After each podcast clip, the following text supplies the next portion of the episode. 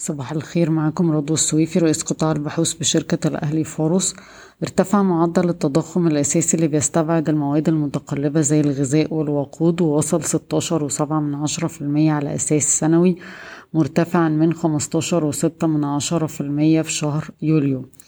رفع البنك المركزي الأوروبي أسعار الفايدة بمقدار خمسة وسبعين نقطة أساس وكان في تلميحات إن هناك المزيد من الزيادات في أسعار الفايدة في المستقبل.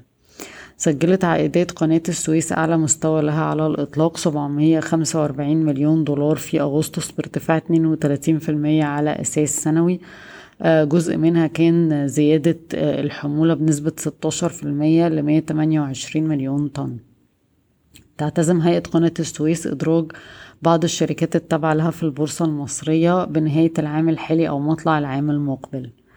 تعتمد مصلحة الجمارك يوميا على أسعار الصرف المعلنة من قبل البنك المركزي لتحديد سعر الدولار الجمركي. بدأت الحكومة الإعداد لتأسيس شركة مساهمة للمصريين العاملين في الخارج للاستثمار في مختلف الأنشطة الاقتصادية وطرح أسهم في مشروعات وطنية.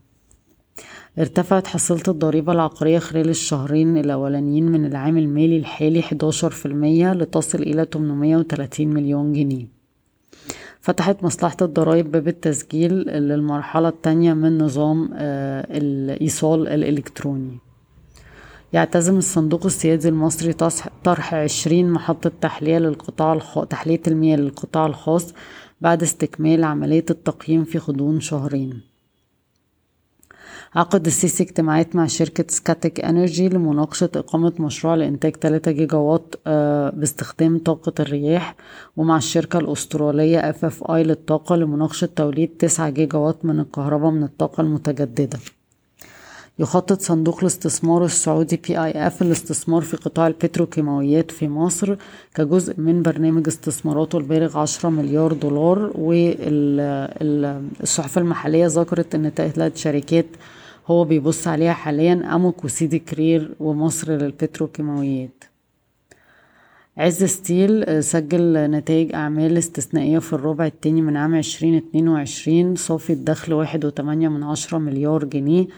آه لو شلنا خسائر فروق العملة من الربع الأول هيبقى في استقرار تقريبا في نتائج الأعمال ما بين الربع الأول والتاني. آه وده كان نتيجة لاستق... لارتفاع الإيرادات في الربع آه التاني لحوالي ما يقرب من عشرين مليار جنيه بارتفاع سبعتاشر في المية على أساس سنوي وارتفاع الهوامش لحوالي تلاتين في المية والسهم حاليا بيتم تداوله عند اتنين وسبعة من عشرة مرة لعام عشرين اتنين وعشرين. و ياريت نبص على التفاصيل علشان إحنا كاتبين كمان نتوقع إيه بالنسبة للربع الثالث والرابع لأن طبيعي إن يكون في بعض الهدوء النسبي في نتائج الأعمال.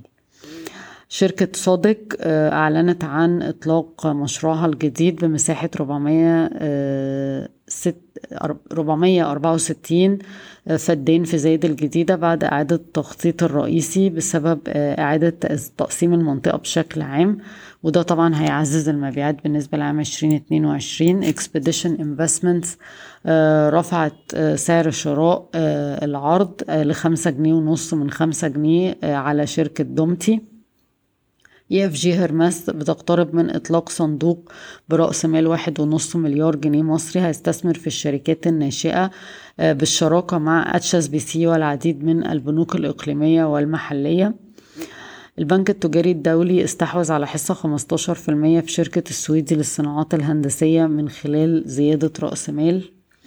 B Investments عليها أن تقرر بنهاية الأسبوع الحالي إذا ما كانت تريد استباق عرض أدنوك Distribution للاستحواذ على حصة 50% من TotalEnergies Egypt ولكن يعني في اعتقادنا أن ممكن B Investments تبيع الحصة.